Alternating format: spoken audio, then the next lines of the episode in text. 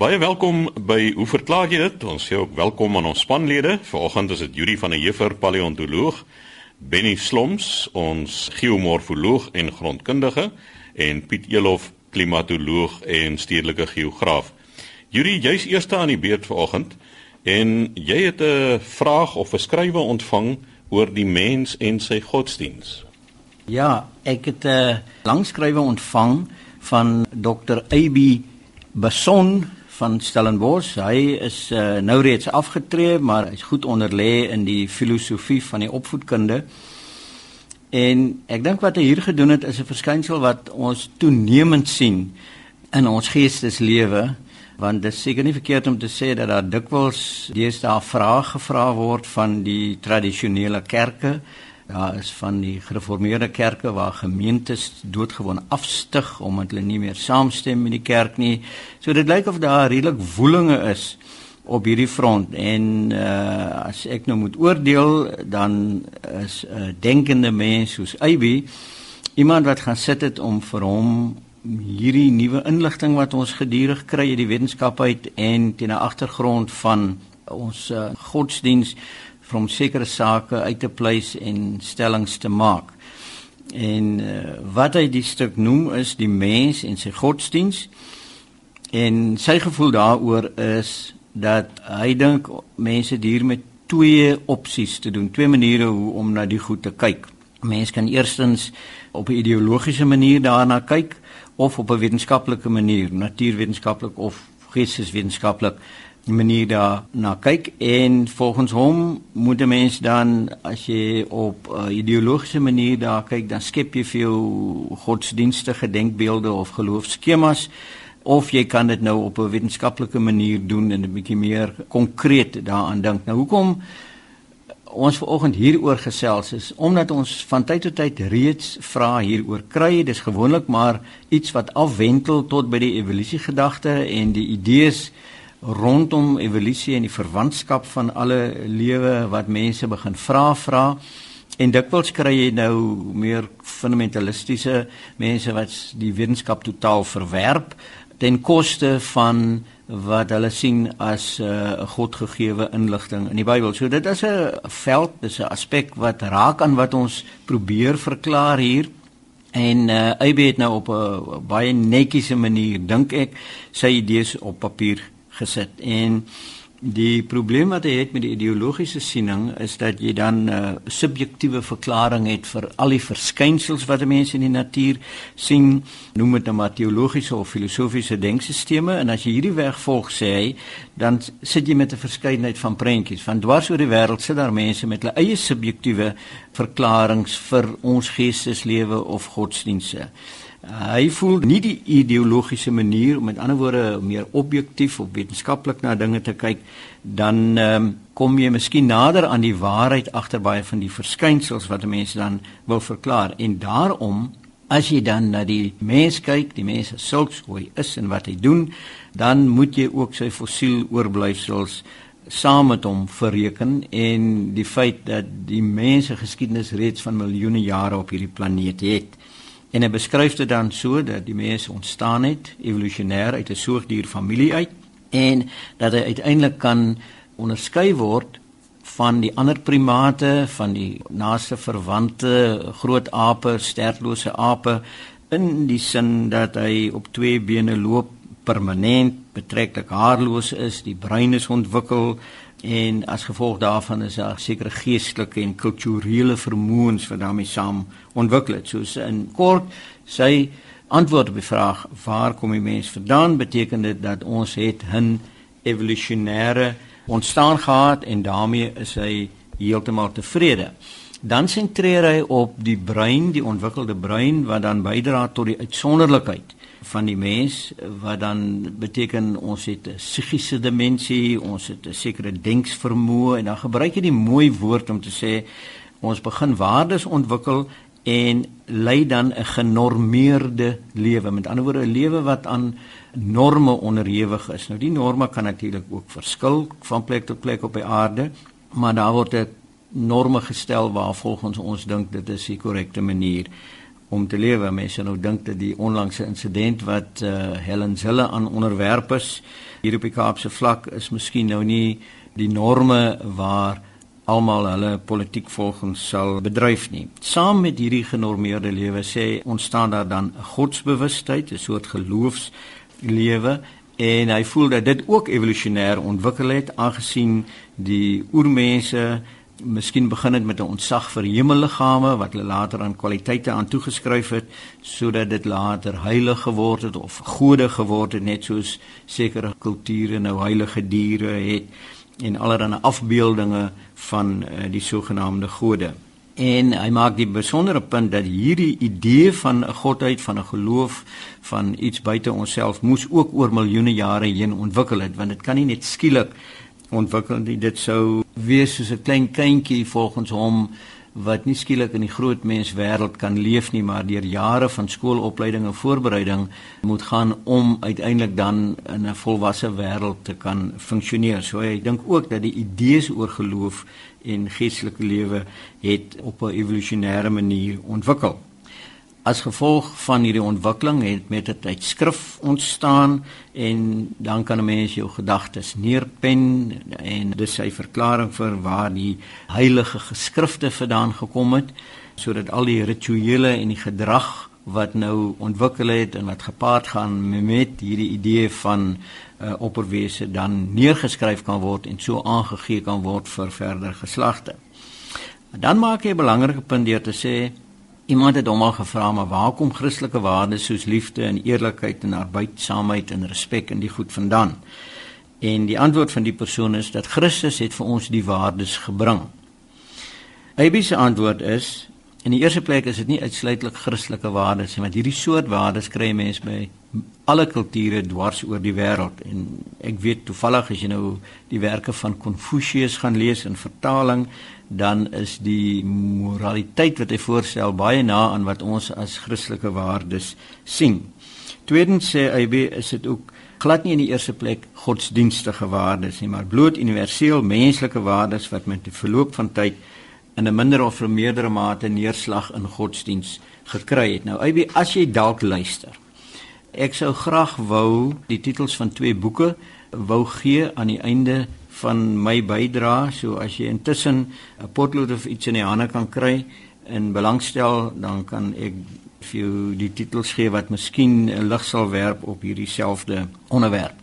Hy maak ook die punt dat dit is nie Christus wat eerste keer al hierdie lewenswaardes vir ons gebring het nie. Hierdie waardes het ontstaan lank voordat die godsdiens wat ons ken tot stand gekom het. Dan maak hy die verdere punt dat in sy oog dink hy ons weet van die opperwese van God weet ons bykans niks behalwe dat hy die bron en oorsprong is en gevolglik 'n misterie bly wat vir ons altyd onpylbaar sal wees.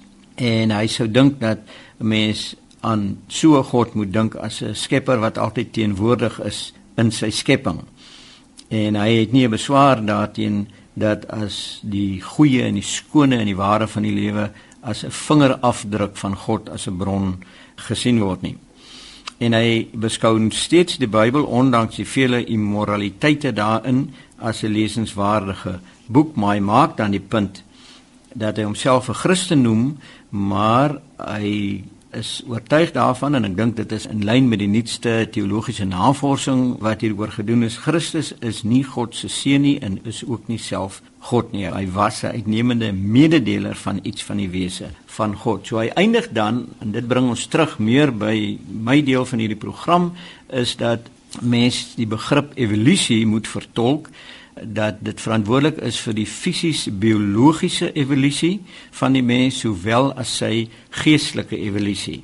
En dat daar nie sprake is van 'n dualisme hier van liggaam en gees nie maar daar is 'n enkele entiteit 'n geïntegreerde eenheid en nie 'n uh, dualisme nie.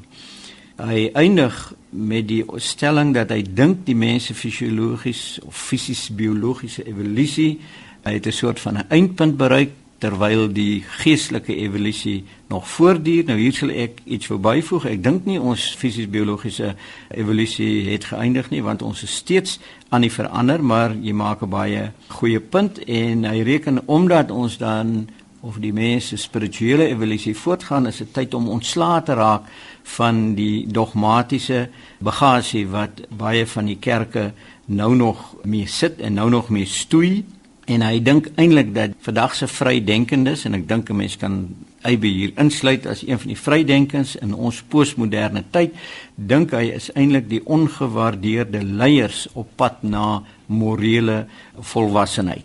So ek dink dit is 'n besondere bydrae wat jy gelewer het en daar is teoloë en snaaks genoeg wetenskaplikes wat baie oor hierdie goed deesdae dink en ehm um, ook daaroor skryf.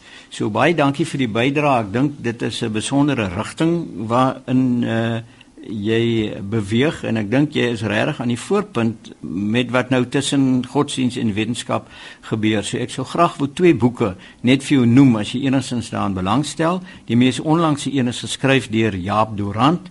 Hy's 'n baie bekende en erkende teoloog wat geskryf het oor evolusie, wetenskap en geloof en dit is 'n uh, biografie van Tyler de Chardin, die Franse uh, Jesuitiese priester en paleontoloog wat juis gepoog het om godsdiens en wetenskap uh, bymekaar te bring. So evolusie, wetenskap en geloof van Jaap Durand, dit word uitgegee deur Bible Media en die ander boek wat ek graag vir jou wil noem, se naam is Atoms and Eden. En die subtitel daar van Atoms and Eden is Conversations on Religion and Science. Conversations on Religion and Science bymekaar gesit geredigeer deur Steve Paulson P A U L S O N Steve Paulson en daar het omtrent 20 verskillende wetenskaplikes en godsdienstbewuste mense elkeen 'n artikel in die boek geskrywe. So dit sentreer mynsinsiens baie om wat jy hier vir ons opgedis het en baie dankie daarvoor Aibi. En so sê Yuri van Heever, ons paleontoloog en volgende aan die beurt Benny Sloms. Nou Benny, ons het foto's ontvang van 'n luisteraar, lugfoto's klaarblyklik wat aandui waar die verlore stad van die Kalahari is en dan was daar ook 'n vraag oor die Panama Kanaal. Dankie Chris, ons het 'n brief ontvang van Stefan Henrico van Lepalale. Hy skryf as volg: Hierdie satellietbeelde wat hy vir my gestuur het, is nie Azteklyne nie.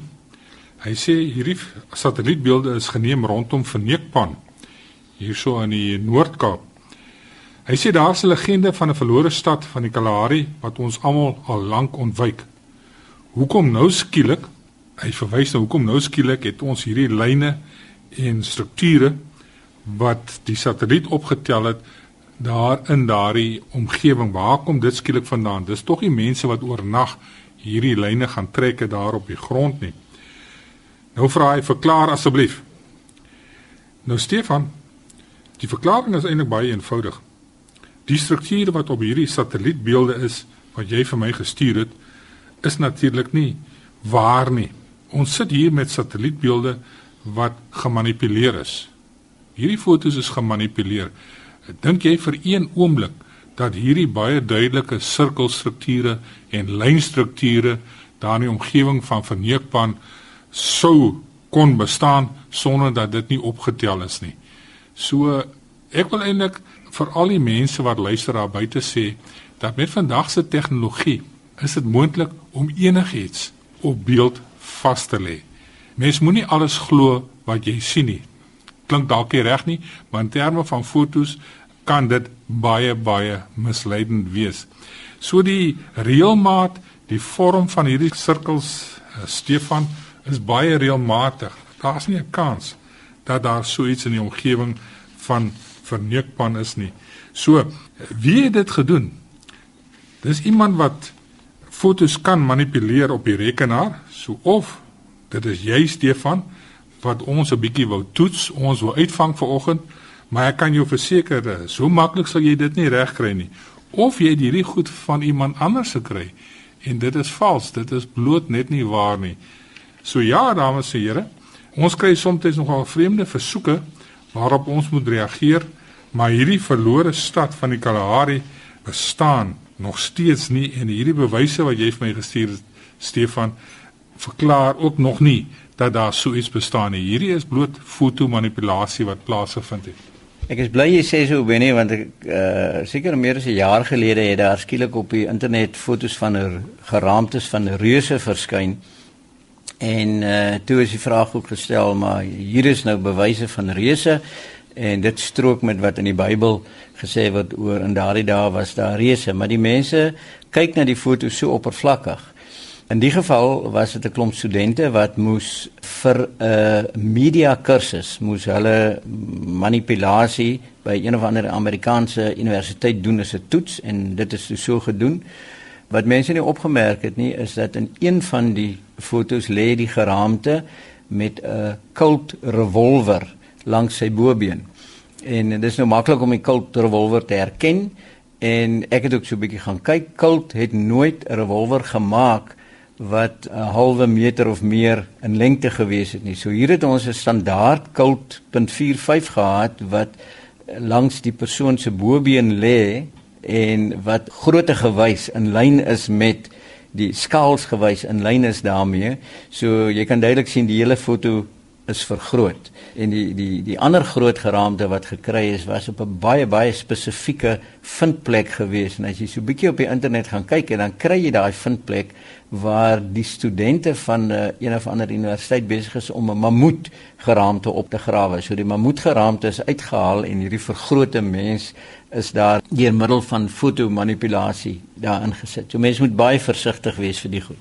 Heeltemal reg, Chris uh, mens moet altyd 'n skaal by 'n foto sit, maar as die jou verwysingspunt daai skaal ook vergroot is soos hierdie revolver waarvan Yuri nou gepraat het, dan is dit natuurlik baie duidelik wat hier aan die gang is.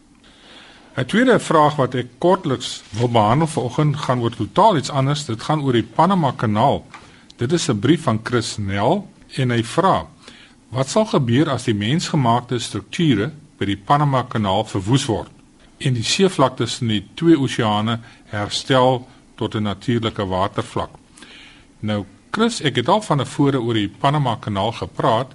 Ek weet nie of jy destyds na die program geluister het nie, maar die Panama Kanaal is nie net 'n horisontale waterweg nie. Dit bestaan uit 'n reeks van sluise aan weerskante van die twee oseane waar die bote gelig word tot 'n binnelandse meer 'n groot dam, die Gautun meer. En dit lê 26 meter bo seevlak. So sou die sluise vernietig word, kom ons sê deur sabotasie of wat die geval mag wees. Wat dan sal gebeur is dat die meer wat as verbindingsmiddel eintlik gebruik word vir die grootste gedeelte, die meer sal gedreineer word. Maar jy sal nog steeds sit met 'n landmassa tussen die Stille Oseaan en die Atlantiese Oseaan. So die twee sal nie met mekaar verbind word, die twee oseane nie. So niks gaan eintlik gebeur nie behalwe die groot skade indien daardie ses sluise, drie aan elke kant vernietig word en so terloops Chris, hulle is besig om hierdie hele sluisstelsel op te gradeer, te vergroot, meer effektief te maak in terme van hulle waterverbruik sodat groter bote meer verkeer deur hierdie Panama kanaal kan beweeg. So wat gebeur is dat die bote word aan die een kant, kom ons sê aan die Stille Oseaan kant, word met behulp van sluise gelig tot op 'n sekere hoogte tot by die meer en dan vaar die bote oor hierdie meer vir 24,2 km en dan aan die ander kant aan die Atlantiese Oseaan kant dan word die bote weer laat sak deur 'n reeks van sluise. So niks sal eintlik gebeur nie behalwe die groot skade, maar wat wel interessant is, Chris, kom ons sê dat jy grawe die kanaal deur tot op seevlak van die een oseaan na die ander kant, dan is die interessante feit is dat die Stille Oseaan is 20 cm hoër as die Atlantiese Oseaan aan die twee kante. En die verskil in seevlak word toegeskryf aan waterdigthede, die soutkonsentrasie in die water. Wat vir jou sê dat sou jy 'n sloot deurgrawe of 'n kanaal deurgrawe op seevlak, dan sal water van die een kant na die ander kant beweeg vanweë hierdie hoogteverskil. Ek dink nie baie mense besef dat 'n mens verskillende hoogtes in seevlak kan kry op verskillende plekke hier op aarde nie. 20 cm is so 2/3 van 'n liniaal en uh, dit gaan nie eintlik veel van 'n verskil maak nie, maar dit was dan Benny Sloms, ons grondkundige en geomorfoloog. Laaste aan die woord Piet Elof, klimatoloog en stedelike geograaf. Piet, jy selfs oor sonpilare. Ek het 'n brief ontvang van Wilma, daai Bloemfontein uit en sy het ook 'n baie mooi foto gestuur wat sy geneem het net voor son onder by die Gariepdam. Uh, sy skryf hier die son maak 'n streep op die water. Sy vra wat is dit en hoe word dit gevorm? Nou wil maar ek gaan net eers 'n kort draaitjie met jou loop en sê dat dikwels sien 'n mens net voor of na sonsondergang sulke vertikale ligstrale in die lug op. Nou dit kom ook voor by maanlig of by ander kunsmatige ligte mensgemaakte ligbronne. En dan sal ons nou nie praat van 'n van 'n sonpilaar nie, maar ligpilare as dit nie deur die son veroorsaak is nie. Nou hierdie sonpilare waarna ek hier verwys, is eintlik 'n weerkaatsing vanaf plat of plaatvormige heksagonale yskristalle wat horisontaal georiënteer is. Plat yskristalle wat horisontaal georiënteer is en wat stadig heen en weer kantel in die lug. Ons assosieer dit gewoonlik met cirruswolke of cirrostratuswolke. En mense sien dit dan hierdie weerkaatsing van die son op hierdie horisontaal georiënteerde yskristalle vorm dan so 'n pilaar van lig bo kan die son. Nou wat jy na verwys is iets soortgelyks. Hierdie streep op die water. Die Engelse praat van glitter paths on the water. Ons sou seker in Afrikaans kom praat van 'n glinsterstreep of 'n glinsterbaan. Ek dink baie van die luisteraars het dit nou al gesien by sonsonder of selfs net voor die son opkom kan mense dit baie keer ook sien. Nou dit is word eintlik dan veroorsaak deur klein rimpelings op die water waar die sonlig net op die regte hoek weerkaats na die waarnemer toe sodat hy dan hierdie streep op die dam op die Gariepdam wat jy nou afgeneem het kan sien. So dis iets soortgelyks as 'n sonpilaar. Uh, die beginsel is dieselfde. Dit is die weerkaatsing van daardie sonlig en in die geval van die dam, die streep ligstreep op die water, is dit die klein rimpelingkies op die dam wat dit dan op die regte hoek buig sodat jy dit dan kan sien. En so gesels Piet Elof, ons klimatoloog. daarmee het ons ook aan die einde gekom van ons program vandag en ons vra u om te skryf aan ons met vrae. Rig dit aan hoe verklaar jy dit? Posbus 2551 Kaapstad 8000 of stuur 'n e-pos aan chris@rsg.co.za